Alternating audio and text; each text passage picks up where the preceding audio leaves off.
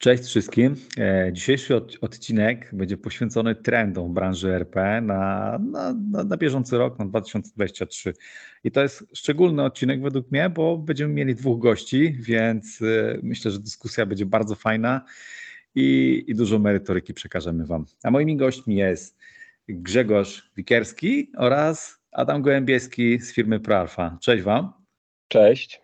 Cześć. Grzegorz, zacznę od Ciebie, bo na Ciebie pierwszego teraz patrzę. Jakbyś mógł trochę więcej o sobie opowiedzieć? Jasne. E, cześć wszystkim, nazywam się Grzegorz Wikierski, e, jestem szefem sprzedaży w ProAlfa Polska. E, w, w ProAlfie w zasadzie już blisko 10 lat jestem, tym samym w tej branży erpowej tyle czasu się znajduję i trochę trendów już widziałem, trochę lat już e, obserwowałem i myślę, że jesteśmy w niezwykle ciekawym czasie, jeżeli chodzi o e, wybór systemu i ogólnie o systemy informatyczne. No. Ale o tym zaraz. Okej, okay. Adamie, trochę o tobie. Cześć wszystkim, e, nazywam się Adam Gołębiewski. Um, i ja w zasadzie całą dotychczasową karierę zawodową jestem związany z systemami RP. Um, to jest już mój 13 rok w, w ProAlfie więc trochę tutaj doświadczenia zebrałem. Pracowałem przede wszystkim w, w, w delivery, w tym, co my nazywamy delivery i też przez wiele lat odpowiadałem za projekty realizowane na rynku polskim. I od e, roku pracuję w strukturach międzynarodowych e, firmy ProAlpha, w pionie International Business Development i jestem swego rodzaju łącznikiem pomiędzy centralą a działami i też naszymi partnerami zagranicznymi. Okej, okay, no to, to tak jak wspomniałem, no, ja uważam, że to będzie bardzo ciekawy odcinek, bo też będziemy mogli troszeczkę porozmawiać sobie o tym, jak to jest za granicą, a dokładnie w Niemczech. I moje takie pierwsze pytanie do Was, jakie branże najczęściej i najchętniej decydują się na, na, na Wasz system? Ja może tutaj zacznę. E, I w zasadzie, zanim odpowiem na to pytanie, to jeszcze powiem e, słów trzy na temat ProAlfy, bo my jesteśmy, tak jak powiedziałeś, e, firmą międzynarodową. Pochodzimy z Niemiec, tam jest firma matka.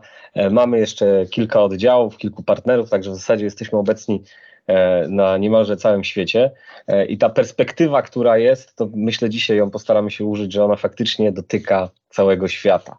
Mhm. E, głównie Niemiec, ale również innych państw. Natomiast odpowiadając na pytanie, jakie, e, jakie branże, jakie firmy najchętniej decydują się na system ProAlpha, no trzeba podkreślić to, że ProAlpha od lat 30 jest dostawcą systemu RP dla firm produkcyjnych, więc pierwsza odpowiedź jest taka, że jest to produkcja e, i na tym się skupiamy. W naszym portfolio w zasadzie e, można pewnie odnaleźć kilka firm usługowych, kilka firm, troszeczkę więcej może firm e, handlowych, ale najczęściej wynika to z tego faktu, że to są firmy córki firm produkcyjnych. Wiemy, że ta produkcja ona potrafi być, mieć wiele spółek, e, taka grupa może być złożona z kilku spółek e, i czasem jedna jest właśnie takim oddziałem.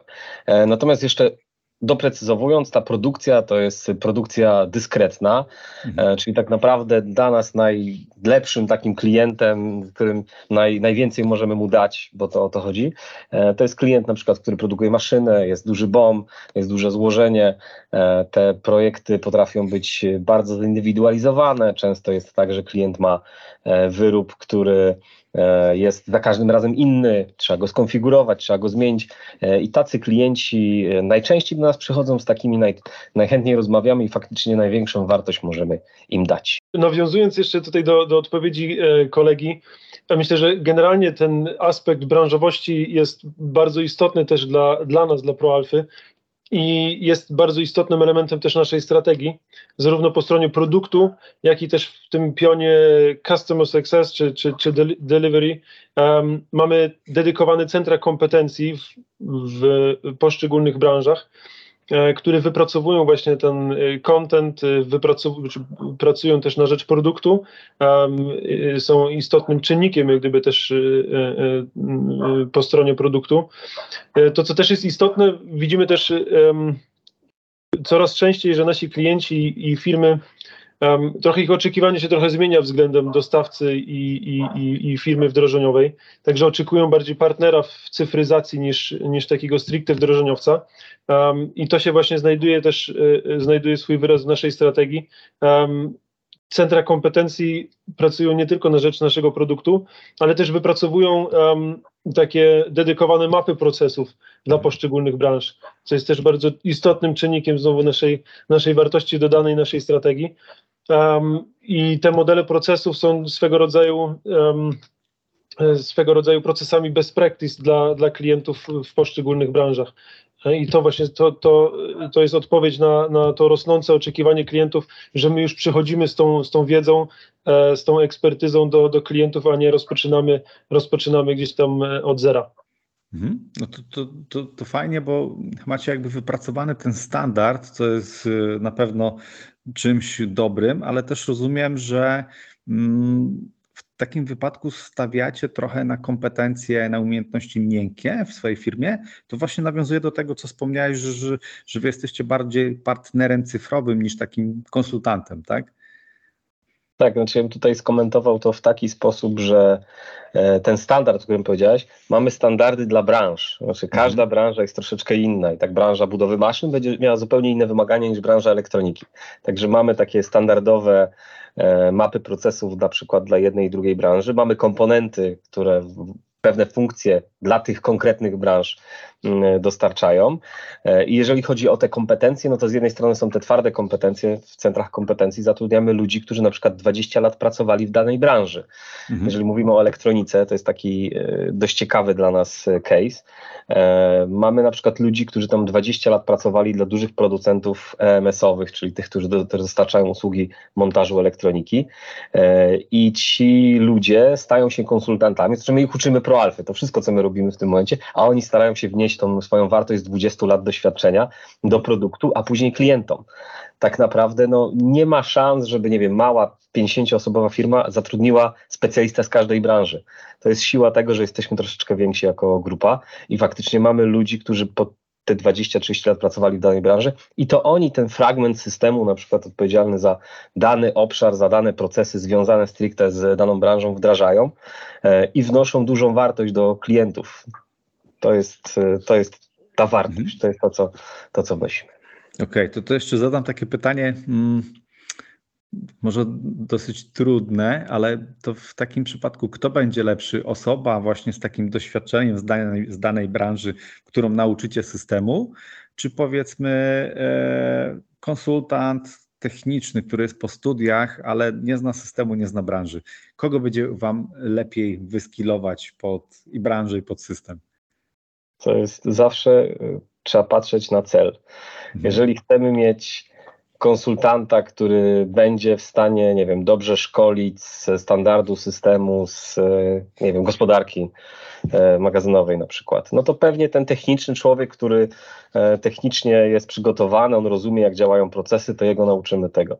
Jeżeli chcemy branżowo kierować, to weźmiemy człowieka z branży i tak go będziemy um, prowadzić. Zawsze musimy patrzeć w funkcji celu na to, jakich ludzi mamy. My w Polsce też mamy E, oczywiście konsultantów kilku czy kilkunastu, natomiast oni też są troszeczkę sprofilowani, bo jeden jest lepszy w produkcji, drugi jest lepszy w innym obszarze i te kompetencje staramy się w taki sposób budować. Okay. Myślę, że też tutaj bym, bym dodał, bo tutaj w tym, w tym pytaniu też było zaszyte w zasadzie też troszeczkę pytanie w kierunku tych, czy tych umiejętności miękkich i tutaj myślę, że najlepiej jest oczywiście mieć zespół projektowy, który jest takim miksem w zasadzie tych, tych dwóch, dwóch um, stron, także um, na pewno to jest istotne, żeby mieć ten zespół wyważony. A z drugiej strony, tak jak wspominałem też wcześniej, jeżeli chodzi o tą wiedzę branżową, no to ona właśnie znajduje swój wyraz w tych mapach procesu, które, które mamy w zasadzie przygotowane. To jest co, też coś, co, co myślę, że jest warto, żeby, y, y, y, żeby wspomnieć. Tak? Także okay. to są procesy best practice. E, a słuchajcie, a jak byście podsumowali rok 2022? Pytam jakby o teren, o Polskę, bo no był to chyba trudny okres, inflacja u nas, inne rzeczy, no i oczywiście Ukraina, wojna na Ukrainie. Mm, no to jak to wygląda z perspektywy proalfy? To ja może podsumuję ten, e, rok miniony pod względem właśnie Polski i sprzedaży, bo rozgraniczyłbym to na dwie rzeczy. Z jednej strony to, co się wydarzyło w Polsce, ale też to, jakie ma to odzwierciedlenie w naszej strategii, w naszym podejściu i w tym, co się dzieje na świecie. E, ale jeżeli chodzi o Polskę, no to na pewno był to e, rok trudny. E, wiele projektów wyboru systemu RP zostało po prostu odłożonych, e, szczególnie w tym okresie, w drugiej połowie roku, kiedy już było wiadomo, że e, wojna trochę potrwa, kiedy zaczęły się informacje na temat podwyższenia ceny energii. Mm, był taki moment, gdzie kiedy faktycznie decydenci czuli strach przed podwyższonymi kosztami. Inwestycje w tym momencie mm, trzeba przemyśleć na pewno kilka razy, co nie znaczy, że się nie odbywały takie inwestycje. Jak najbardziej dalej część procesów trwała, ale też na przykład zmienił się punkt ciężkości w niektórych z tych e, procesach. E, mniej chodziło może o to, żeby e, zinformatyzować, a bardziej chodziło o to, żeby uzyskać bezpieczeństwo, stabilność pewną. To też ma odzwierciedlenie w tych produktach, które dostarczamy. O tym pewnie Adam zaraz powie, e, bo portfolio staramy się dostosowywać właśnie do potrzeb e, i nie dostarczać tylko system ERP, który kliencie zainstaluj i masz, a raczej właśnie z jednej strony e, te doświadczenia branżowe, z drugiej strony dodatkowe produkty, które uzupełniają nasze portfolio i pozwalają klientom w tych trudnych momentach szybko pozyskać pewne rozwiązania, które pomogą im funkcjonować. Tak, myślę, że to właśnie ten, ten wątek ostatni e, jest dość istotny też, jeżeli chodzi o, o i cechuje ten, ten zeszły rok, jeżeli chodzi o grupę ProAlfy, bo w zasadzie jest to kontynuacja naszej strategii, którą my nazywamy ERP+, czyli w zasadzie wokół, wokół tego koru naszego ERPA ProAlfy mhm.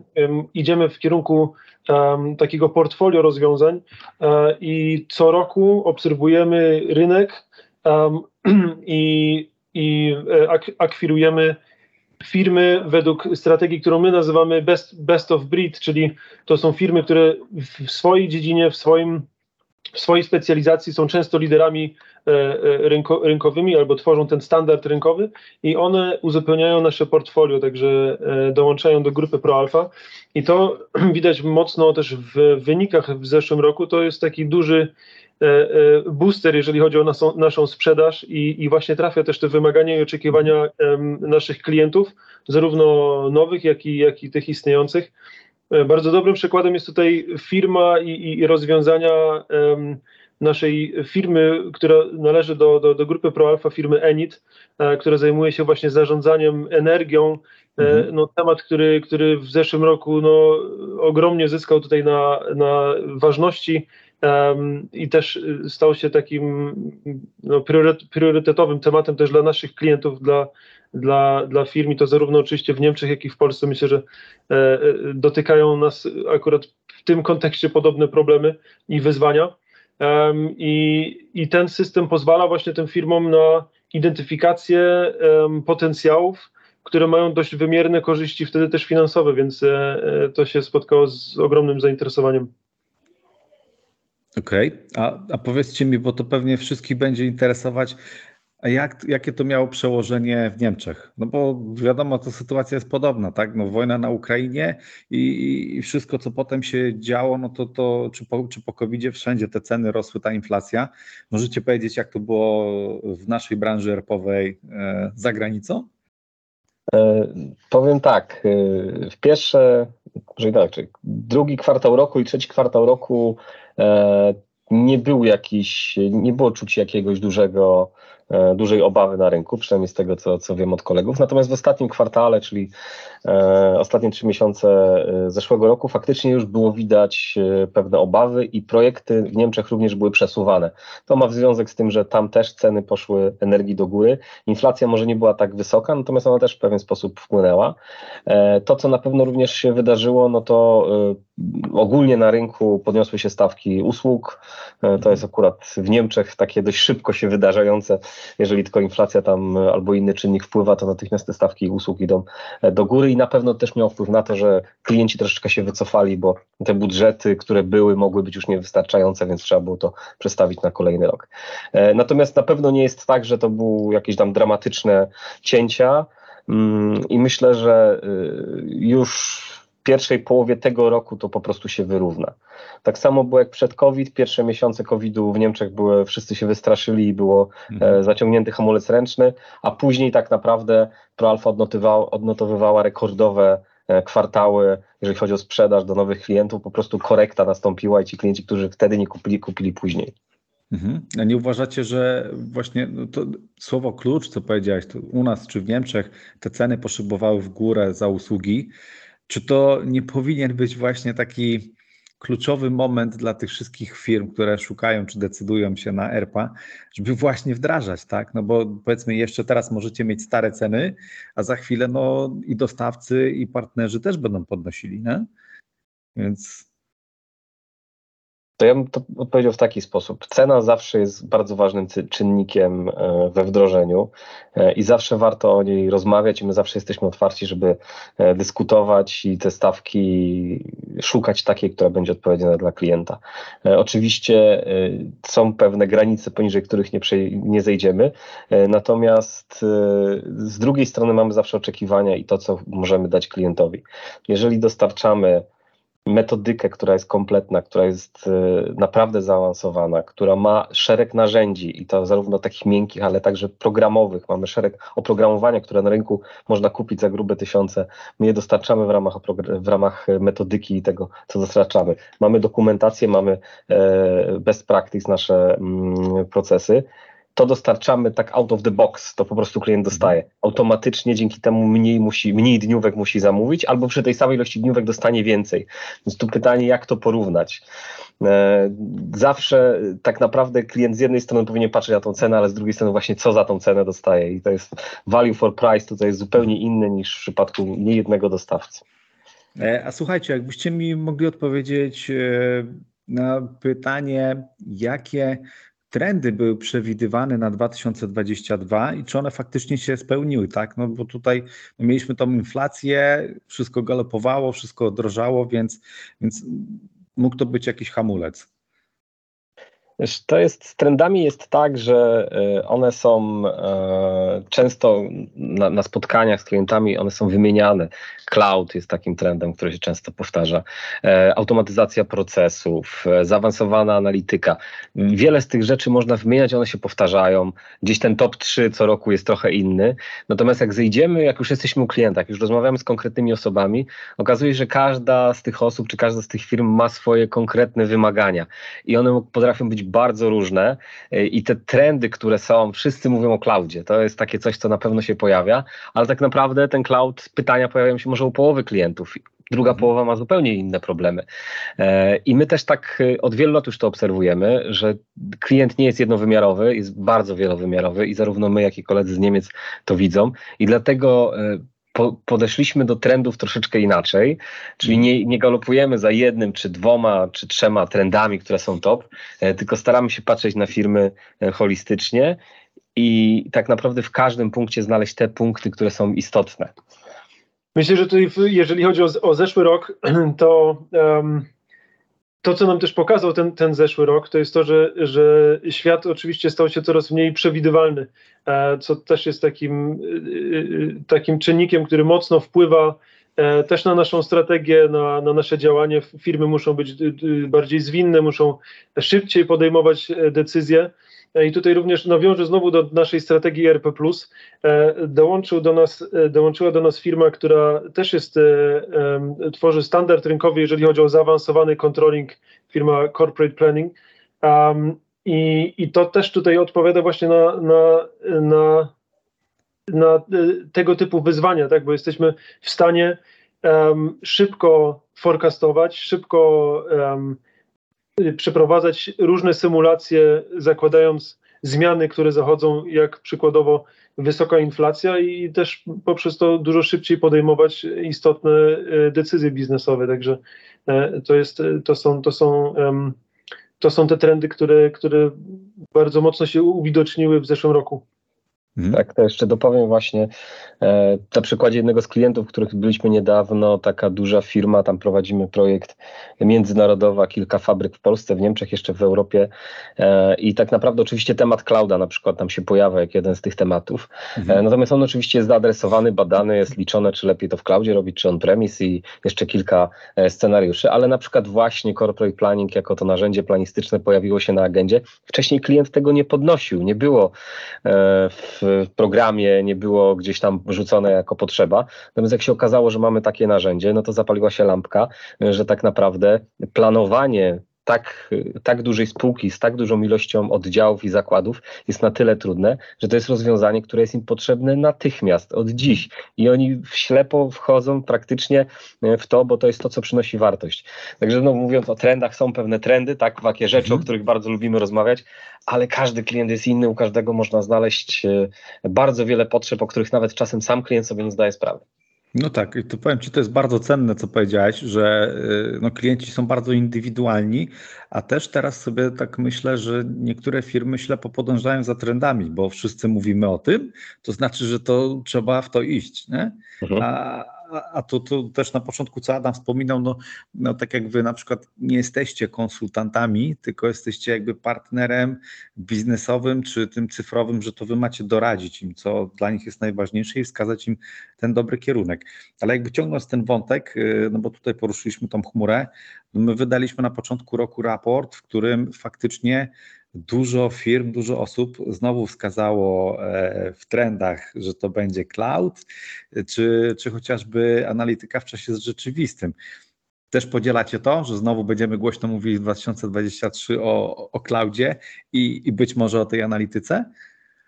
E, ja się odniosę do clouda, bo to jest takie e, określenie, które ja bardzo lubię bo ono jest takie bardzo, bardzo pojemne. To ja odpowiadając na to pytanie, czy będziemy dalej mówić tak, przez najbliższe 10 lat będziemy mówić o cloudzie. Natomiast pytanie, co autor ma na myśli mówiąc o cloudzie, bo często słyszę to pytanie, a macie rozwiązanie cloudowe? Mamy rozwiązanie cloudowe, ale co pan ma na myśli mówiąc rozwiązanie cloudowe?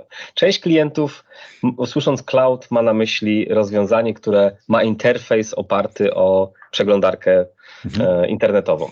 Mamy takie rozwiązanie, przy czym można dalej mieć zainstalowane on-premise y, to rozwiązanie, a mieć y, interfejs w przeglądarce. Czy to jest cloud? Niekoniecznie.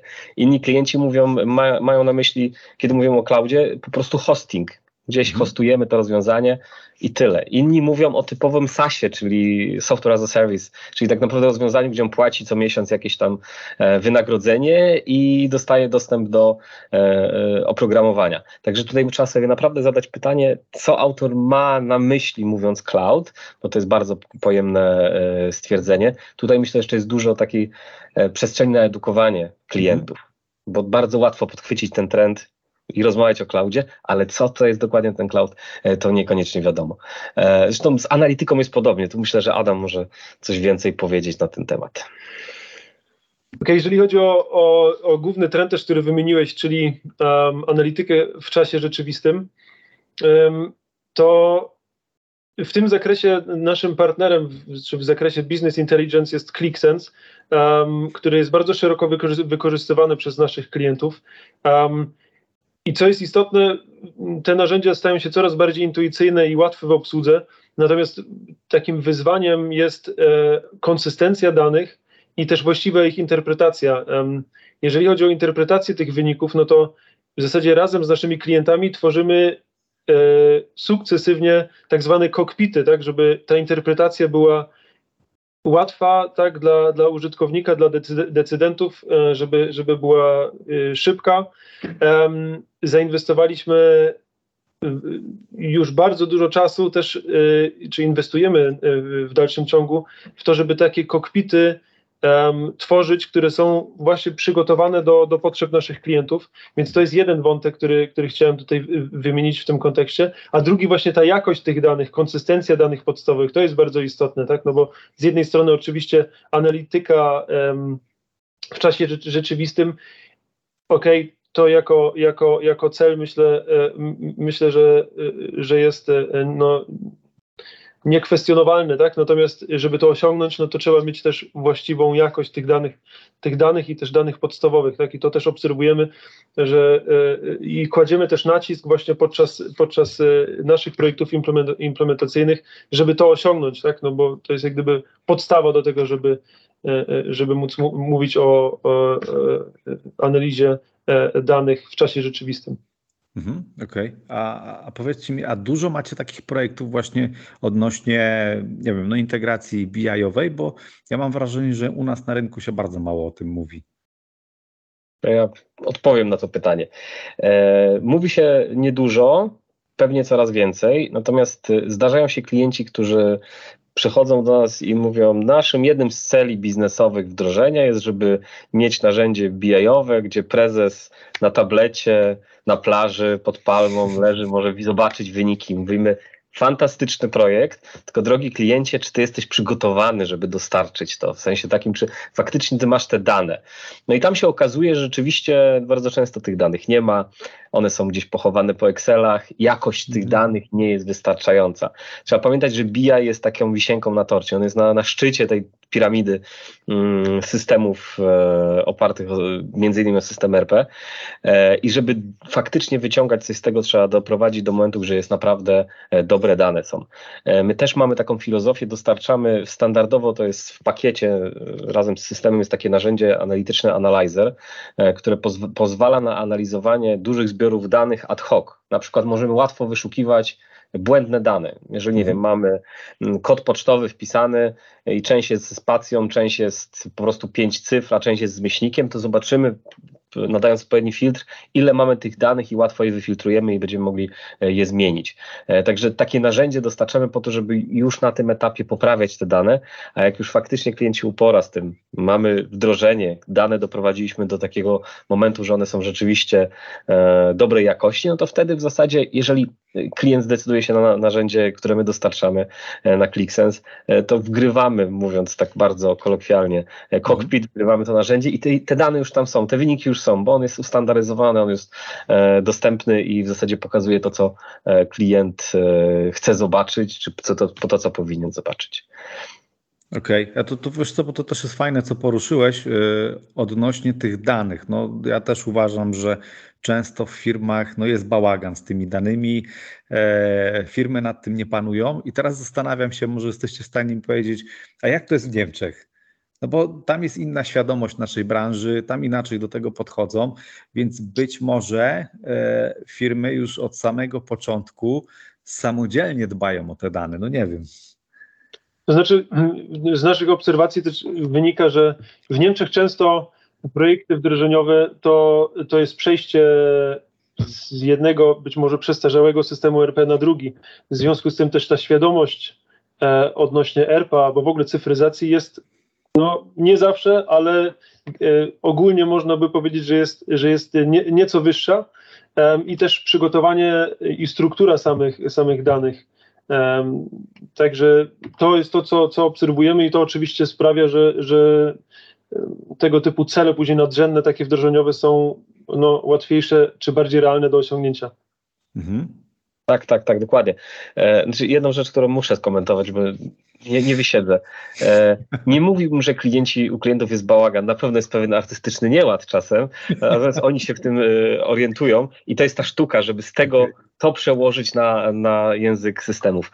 Natomiast jeszcze odnosząc się do tego, do, do dojrzałości rynku. Na przykład my nie spotykamy się w Polsce z pytaniami o to, czy, czy bardzo rzadko się spotykamy, czy macie dedykowane narzędzia do migracji danych, albo czy macie narzędzia do porządkowania tych danych, do zadbania o jakość danych, gdzie w Niemczech te narzędzia zostały już kilka lat temu wypracowane i to jest część tego, co dostarczamy standardowo, natomiast one są e, normalną rzeczą w projekcie. Od, od dostawcy wymaga się narzędzia do migracji danych, wymaga się narzędzia do uporządkowania tych danych. Także widać tą różnicę. Ta wartość danych e, jest znana w Niemczech, u nas jest cały czas one, my już czujemy w Polsce, że one są ważne, ale jeszcze pewnie to nie jest tak namacalne, jeszcze nie jest tak mhm. oczywiste.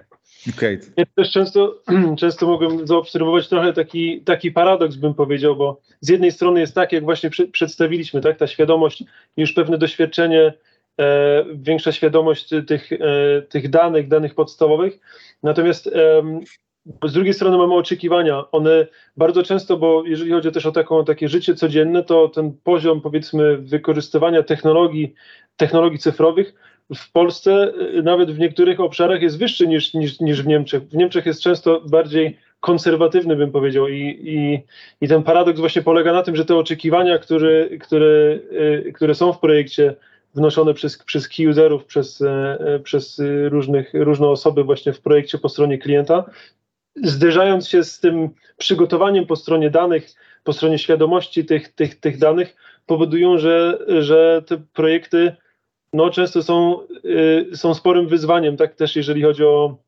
zarządzanie właśnie oczekiwaniami, zarząd, zarządzanie e, ryzykiem też w projekcie. Mhm. Także to jest taka, taka jedna z głównych różnic, które ja widzę, uczestnicząc jak gdyby w projektach zarówno w Niemczech, jak i w Polsce. Okej, okay. to, to ja jeszcze ostatnie pytanie odnośnie danych mam, bo, bo, bo po prostu kurczę, od początku o tym myślę i e, często ja miałem takie sytuacje.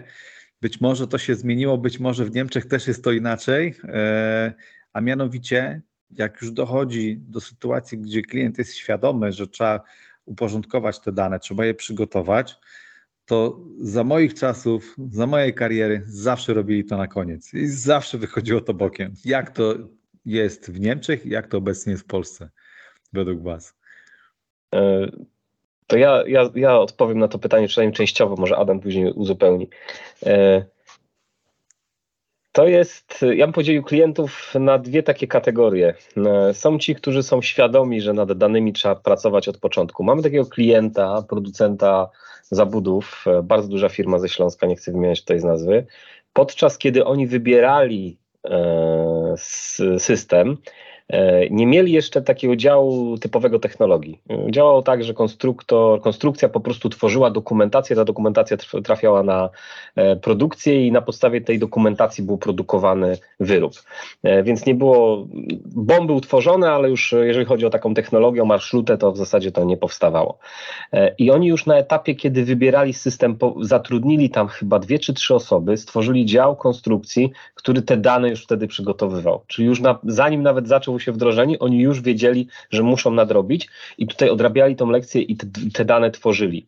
Później one były oczywiście w jakichś Excelach, ale łatwe do zaimportowania, bo były przygotowane już pod, e, ta, ta struktura danych była pod, e, przygotowana do e, importu. Więc są tacy, którzy są świadomi swoich braków i od razu już nad tym pracują, wiedzą, że to jest coś, co jest bardzo ważne. Teraz też w tym roku mieliśmy, w zeszłym roku mieliśmy taki projekt, gdzie właśnie to była główna bolączka, oni się najbardziej tego bali i tak naprawdę projekt, który można by pewnie tam w 9 miesięcy wdrożyć, rozłożyliśmy na długo, dużo dłuższy czas, no tam 12 czy 15 miesięcy, po to, żeby dać ten czas, żeby spokojnie dane przygotować. Mm, a z drugiej strony jest ta druga strona klientów, druga grupa klientów, którzy właśnie robią dokładnie tak jak mówisz, czyli jest takie pychanie temat, no dobra, to no. mamy to, my sobie, my sobie zaciągniemy to z systemu. Tak? tak. No i, i, i to jest najgorsza rzecz, jeżeli to się dzieje faktycznie tam zaraz przed startem. E, nasza metodyka już wzięła to pod uwagę i może być taki moment w projekcie, że jeżeli my widzimy, że nie ma tych danych, to my się nie zgodzimy na start produktywny na przykład, nie? Mhm. Bo to może rozwalić start, nie? Adam? E, tak, to są, myślę, że to są bardzo ważne aspekty. Z jednej strony właśnie samo zarządzanie tym projektem, bo to jest rola właśnie też e, e kierownika projektu, nie tylko oczywiście całego zespołu, tak, ale to jest rola też, e, która w zarządzaniu projektem jest istotna, tak, żeby to odpowiednio zaadresować, odpowiednio też e, śledzić, odpowiednio sprawdzać. E, to jest, to jest jeden aspekt. Drugi aspekt, o którym właśnie też już Grzegorz mówił, no to jest sama metodyka. Ja też działałem w projektach, znam, znam też z niektórych, z niektórych projektów ten efekt właśnie przygotowywania danych na, na ostatnią chwilę. E, myślę, że koledzy, koledzy z, z Niemiec znają to też ze swoich projektów. W związku z tym też mm, w ostatnich latach też zmieniliśmy trochę, dostosowaliśmy też naszą, naszą metodykę, też po części to właśnie odpowiada na, na, na to wyzwanie właśnie, czy na taką obserwację. E, nasza metodyka, e, którą stosujemy właśnie od, od, od, kilku lat, opiera się bardziej na prototypach, czyli dużo, dużo szybciej zajmujemy się migracją danych, dużo szybciej sprawdzamy te, e, te, te dane. Także to, to jest w zasadzie odpowiedź też na, na, na, na tą problematykę i to też powoduje, że dużo szybciej się też pewne odchylenia i pewne, pewne wyzwania w tym obszarze widzi i jest czas, żeby je skorygować. Okej. E, a powiedzcie mi, a jakie plany ProAlfa ma na Polskę na kolejne lata? Plany, plany, plany. Planów jest, jest bardzo dużo. Ja, ja mogę powiedzieć, no, jeżeli chodzi o plany w obszarze e, sprzedaży i nowych klientów i naszych istniejących klientów, bo to też jest niezwykle istotne. E, mamy w głowie mm, taki, myślę, trzyletni plan na najbliższe lata, jak rozwijać naszą sprzedaż tutaj. E, aktualnie cały czas e, mamy otwartych kilka, e, kilka miejsc tutaj w naszym dziale sprzedaży i szukamy ludzi i rozmawiamy, e, bo chcemy, żeby, e, żebyśmy byli w stanie docierać do większej ilości potencjalnych klientów. Klientów oczywiście z tych naszych branż bardzo blisko nam. I to jest taki plan, który mówi, że na przykład producenci elektroniki to są firmy, które są dla nas bardzo ważne. Mamy centrum kompetencji, mamy unikatową co potwierdzili nam klienci, unikatową funkcjonalność w obszarze na przykład e, zarządzania zamiennikami, co jest niezwykle trudne w tej branży. E, mamy odpowiedź na to pytanie i na przykład do takich klientów chcemy docierać. Czyli chcemy bardzo mocno się skupić na pewnych branżach e, z naszym e, przekazem i klientów z tych branż będziemy poszukiwać. E, na pewno nie jest to tak, że nie wiem, dwukrotnie w ciągu roku wzrośniemy, bo to nie jest nasz cel. E, naszym celem jest ugruntowanie e, właśnie wśród klientów z tych branż naszej pozycji. A jeżeli chodzi o, o tych naszych klientów istniejących, to tak naprawdę tutaj uruchomiliśmy pewne programy, żeby jeszcze bliżej ich być. W przyszłym roku chcielibyśmy spotkanie z tymi klientami również takie duże zorganizować, które też może być ciekawe. E, także bardzo dużo takich pomysłów nam się pojawia na wyjście jeszcze bliżej klientów, ale też nie wszystkich, nie tak szeroko, tylko mhm. właśnie wąsko do pewnych konkretnych branż i chcemy z nimi e, zacieśniać naszą współpracę. Natomiast jeżeli chodzi o grupę, to tam planów jest jeszcze więcej, to może Adam troszeczkę przybliży ten aspekt. Tak, jeżeli chodzi o grupę ProAlfa, to myślę, że um, głównym takim wyzwaniem, o którym też już dzisiaj mówiliśmy, kilkukrotnie, to jest e, ta transformacja cloudowa, którą przechodzimy, którą roz, roz, zapoczątkowaliśmy e, dwa lata temu. Ona oczywiście zajmuje, zajmuje wszystkie obszary organizacji, tak, bo to nie jest tylko rzecz, która się dzieje po stronie produktu, ale to jest w zasadzie dostosowanie też, też po stronie delivery, po, po, po stronie, po stronie supportu i tak dalej. Także to jest to, jest to główne wyzwanie. Została tutaj rozpracowana też jasna roadmapa, jeżeli chodzi o tą, tą transformację cloudową, która zawiera um, poszczególne etapy. Tak? My w tym momencie, tak jak tutaj też Grzegorz już wspominał, jesteśmy na takim etapie, że e, oferujemy e, to, co my nazywamy business cloud, um, czyli w zasadzie przejmujemy różne serwisy, które tradycyjnie, klasycznie klient, e, klient e, musiał wykonywać ze swoimi zasobami. Mhm. Um, w tym roku jest planowane osiągnięcie kolejnej, kolejnego etapu, czyli już jak gdyby skalowalny ERP w technologii cloudowej i później będą, będą realizowane kolejne etapy z tym celem, o którym też już wspominaliśmy dzisiaj, gdzieś tam e, e, software as a service jako, jako tym, tym, tym końcowym etapem tej transformacji cloudowej. W tym kontekście też jest bardzo, bardzo istotne, jeżeli chodzi o tą naszą strategię, myślę, że to też nieco, nieco wyróżnia nas, jest to, że w zasadzie mm, zapadła taka decyzja, że nie stawiamy wszystko jak gdyby na, na transformację cloudową, co jest bardzo mhm. istotne. Tak? E, jeżeli chodzi o, um, o gotowość przejścia w, w chmurę, no to po stronie naszych klientów, po, po stronie przedsiębiorstw to nie jest jednoznaczne, tak? Są, są firmy, które są znowu konserwatywne, albo które też po prostu e, e, nie chcą, nie chcą przechodzić, widzą to jako ryzyko, tak? Mhm. Chcą e, chronić swoją technologię, swój know-how i tak dalej. I my dla takich klientów to jak najbardziej zrozumieliśmy też jako ProAlpha, czy ProAlpha to zrozumiała. I po takim hasłem No Customer Left Behind chcemy oferować w zasadzie taki, taki model hybrydowy. Co jest też istotne w tym, w tym kontekście jest to, że to nie będzie, to nie będą dwa jakieś różne produkty, to będzie jeden produkt ProAlpha jako portfolio rozwiązań, po prostu z różnymi opcjami um, dla naszych klientów. Mm, to... to... jest ten główne, główne wyzwanie, myślę, na, na ten rok i na, na najbliższe lata, jeżeli chodzi o grupę, plus strategia, kontynuacja strategii ERP, czyli wyszukiwanie, identyfikacja e, e, firm, rozwiązań, które mogą uzupełnić nasze portfolio pod kątem funkcjonalnym. Okej, czyli, czyli ponownie jakby temat y, clouda wraca i chyba to jest to, co Grzegorz powiedziałeś, że, że przez najbliższe lata wszyscy i wszyscy będziemy o tym mówić. A powiedzcie, bo mam takie ostatnie pytanie. Ja wiem, że to może być trochę trudne, ale będę starał się je rozwijać, bo też mam taką misję jakby na ten rok y, z osobami, z którymi przeprowadzam e, rozmowy. Czyli no, najtrudniejsze, najgorsze case'y wasze. No bo e, dlaczego o, to, o tym mówię i dlaczego chcę o, to pytać? Wszyscy mówimy, e, albo inaczej, wszyscy mamy świadomość, że no nie ma jakby nieudanych wdrożeń czy trudnych wdrożeń, że RP jest ważne, każda firma potrzebuje RP, ale wydaje mi się, że fajnie byłoby zacząć rozmawiać o tych trudnych przypadkach i jakie wnioski zostały wyciągnięte z tego, tak? Może jesteście w stanie się podzielić właśnie takim trudnym case'em, co było tym kamieniem milowym, co było blokerem, jak sobie z tym poradziliście, jakie wnioski wyciągnęliście i że w przyszłości po prostu na waszych projektach takie rzeczy się nie zdarzają. Co, ja, ja, mogę oczywiście powiedzieć z punktu widzenia procesu sprzedaży, bo do tych jestem najbliżej, mhm. uczestniczę w bardzo wielu. E, I mieliśmy w zeszłym roku taki przypadek, e, gdzie byliśmy bardzo zaawansowani e, w rozmowach z klientem. No, był cały proces sprzedaży, oglądali bardzo dużo systemów, jedna prezentacja, druga, jakaś wizyta referencyjna, jakiś warsztat. Bardzo dużo zainwestowaliśmy w to czasu i energii, a czuliśmy też, że klient jest klientem, który, do którego możemy dużo wnieść. Akurat właśnie z branży elektroniki klient. No i przed taki dzień gdzie dostałem maila, że dziękujemy bardzo, ale nie będziemy współpracować, bo jesteście za drodzy i tutaj konkurent zaoferował tańsze rozwiązanie. E, no i to był taki mm, trochę mówiąc brzydko strzał, którego się nie spodziewałem, natomiast no, po, po tym jak się pozbieraliśmy tutaj wewnętrznie, zaczęliśmy się zastanawiać, co tam się tak naprawdę wydarzyło. E, no i e, całe szczęście, no tam bardzo dobrze się z tymi ludźmi tam żyło wtedy i żyje dalej. Mm, prezes znalazł dla mnie chwilę, żeby się spotkać i porozmawialiśmy sobie o od serca, co się wydarzyło. I z jednej strony oczywiście cena była ważna, ale jak się okazało, e, ona nie jest e, kluczowa. Natomiast tam było kilka obaw po stronie tego klienta, o których zaczęliśmy sobie tak od serca rozmawiać.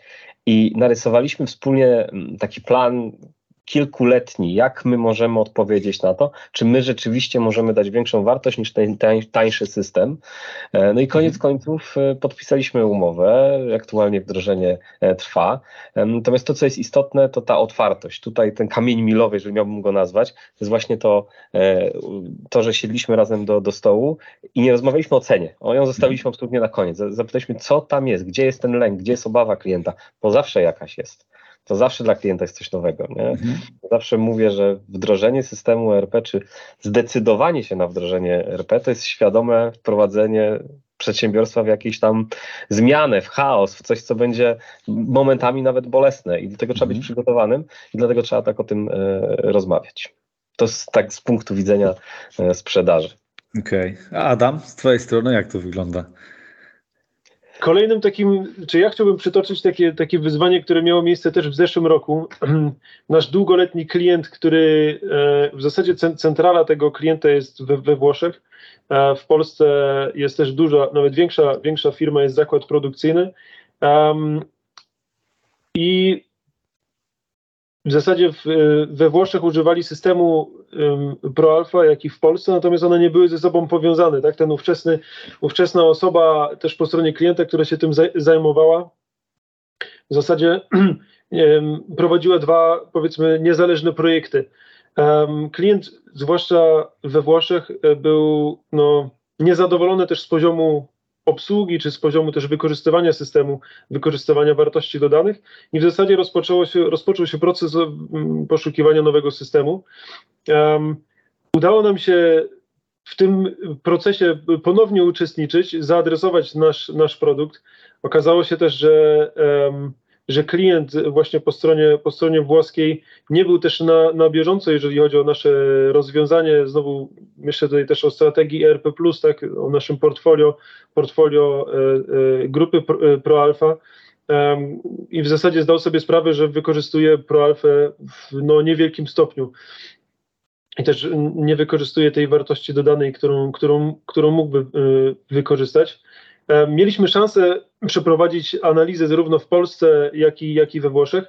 i, i przez te obserwacje wypracować jasną koncepcję, w jaki sposób chcemy osiągnąć zwiększenie em, poziomu wykorzystywania proalfy w różnych obszarach. Tak? Zdecydowaliśmy, czy wypracowaliśmy z jednej strony takie, jak my to nazwaliśmy, quick winsy, czyli rzeczy, które szybko, szybko w krótkim okresie czasowym można osiągnąć, dające pewną wartość dodaną, jak i też większe, większe takie projekty częściowe, jak połączenie tych dwóch instalacji w jedną instalację, co oczywiście technologicznie jest możliwe i daje wtedy duże korzyści, jeżeli chodzi o o, też o wymianę danych pomiędzy tymi, tymi spółkami, ponieważ one są, one są ze sobą powiązane. I wypracowaliśmy też e, jasne koncepcje, jas, jasną roadmapę wykorzystywania czy, czy, czy rozszerzenia wykorzystywania systemu e, u tego klienta, także we wszystkich zakładach i, i spółkach, które należą do tego klienta. No i w efekcie jesteśmy teraz w środku właśnie realizacji tego, tego projektu z takim, z takim przekonaniem, że jesteśmy, że jesteśmy w stanie dać właśnie klientowi e, duże zwiększenie, zwiększenie e, wartości dodanej z systemu RP, systemu ProAlpha. Mhm. Myślę, że kluczowe tutaj jest to, że to przekonanie jest po obydwu stronach. To nie jest tak, że my jesteśmy tylko przekonani, że rzeczywiście klient nam y, zaufał i to, że my wypracowaliśmy podczas tych kilkunastu dni, które i tu w Polsce były we Włoszech, Adam też brał w tym udział, to był bardzo pracowity czas, wypracowaliśmy taką e, wspólną koncepcję. E, To, to jest właśnie emanacja tego, co mówiliśmy, że my staramy się być partnerem w tym cyfrowym świecie, a nie tylko dostawcą. Mhm. E, Nam nie zależy na tym, żeby mieć niezadowolonych klientów, wręcz przeciwnie, zależy nam na tym, żeby mieć zadowolonych, a żeby mieć zadowolonych, musimy ich rozumieć, musimy wiedzieć, co chcemy im dostarczyć i musimy to mieć. Jeżeli przychodzi do mnie klient, którego ja wiem, że nie jestem w stanie e, sprzedać produktu, który go zadowoli, no to ja nie będę z nim próbował mu sprzedać niczego więcej. Mhm.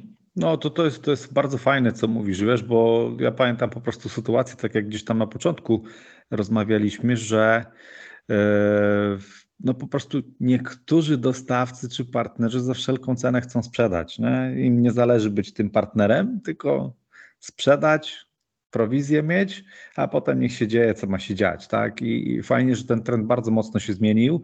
E, Adamie, a może jeszcze coś byś chciał dopowiedzieć, bo ja jedną rzecz wiem o was, a, ale nie wiem, czy mogę sam o tym powiedzieć, więc ciągnę cię za język. Myślę, że wiem o czym mówisz. E, Bardzo chętnie się podzielę też tą, tą informacją, bo um, jest to też część naszej strategii, zarówno grupy, ale, ale też, też tutaj e, w Polsce. E, mianowicie chcemy, czy rozszerzamy naszą sieć e, partnerów, chcemy zwiększyć e, skalę też swoich, swoich działań. Mamy w tej chwili jako grupa około 45 partnerów, z czego mniej więcej połowa to są właśnie partnerzy implementacyjni, sprzedażowi i serwisowi, a pozostali no to są partnerzy rozwiązań.